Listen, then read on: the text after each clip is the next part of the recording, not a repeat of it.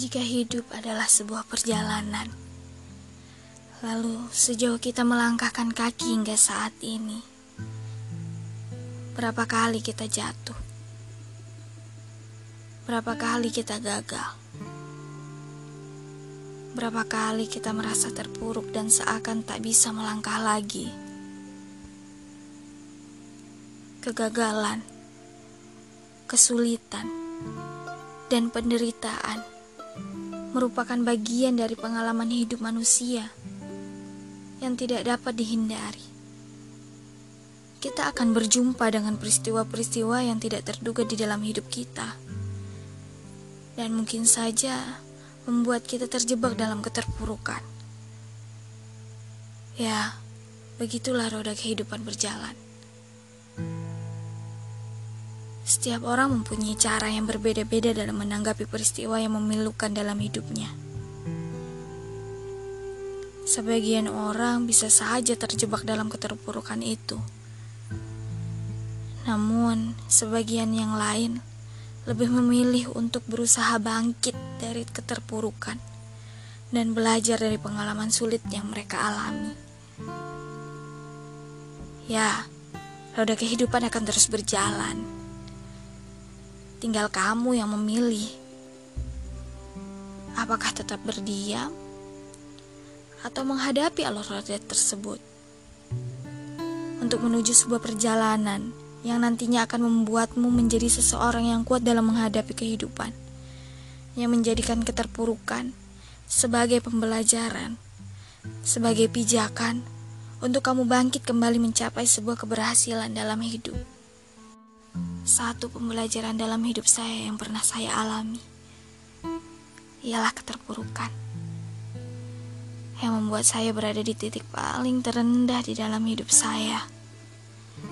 Ya, saat itu saya tahu. Ada beberapa orang yang memandang saya dengan sebelah mata, menceritakan perilaku-perilaku saya yang bisa dikatakan dalam tanda kutip seperti orang gila atau tidak waras kepada orang lain dengan kata-kata yang menjudge, mencibir, dan lain sebagainya. Dari omongan-omongan orang kanan kiri. Di posisi saat itu membuat saya muak dengan semuanya. Perasaan saya yang sangat bergejolak dengan kehidupan yang saya alami saat itu. Saya merasa sangat lelah capek, sumpek, muak, gerah di dalam posisi yang tidak mengenakan sama sekali di dalam hidup saya. Sampai titik di mana saya harus merubah semuanya kembali normal. Dengan apa adanya diri saya yang sendiri. Dengan membangun kembali kepribadian saya yang perlahan menghilang. Ya, memang saat itu saya merasa bahwa saya tidak menemukan diri saya yang sesungguhnya.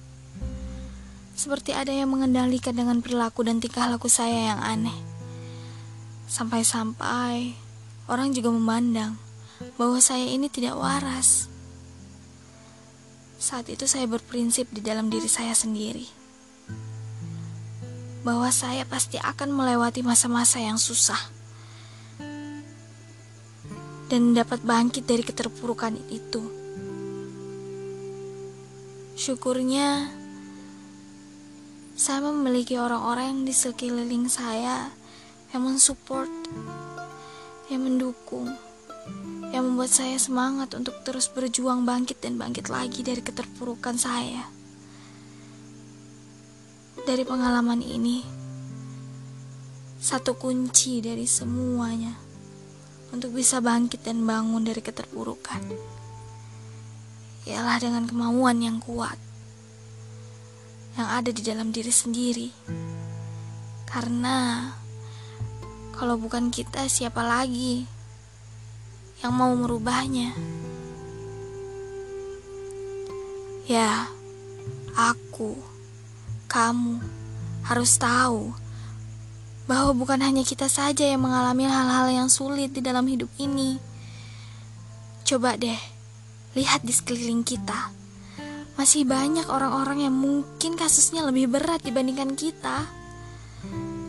Tapi mereka mampu untuk bangkit melawan keterpurukan mereka. Dari situ mereka bisa menjadikan keterpurukannya sebagai langkah, sebagai pijakan, sebagai pengalaman, sebagai pembelajaran untuk ke depannya bagi mereka. Jadi teman-teman, kita harus optimis dengan hidup ini. Jangan mau larut dalam keterpurukan, karena keterpurukan itu tidak akan selesai dengan berdiam diri saja. Ya, benar, masalah akan berlalu dengan berjalannya waktu. Kita harus selalu positif thinking Jangan menyalahkan keadaan diri sendiri, apalagi menyalahkan Tuhan. Jangan ya, karena Tuhan tahu batasan kemampuan umatnya dan pasti di balik itu semua ada kebahagiaan dan kesuksesan yang menanti kita. Bagi kalian yang mendengarkan ini, jika kalian masih bergelut dengan keterpurukan kalian, percayalah kalian bisa melaluinya dan tanamkan di dalam diri kalian bahwa semua masalah pasti ada solusi dan jalan keluarnya.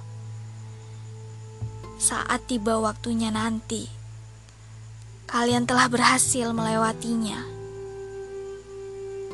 Ada kebahagiaan di balik itu semua yang menanti. Tetap semangat ya, hadapi dengan berani dan jangan menyerah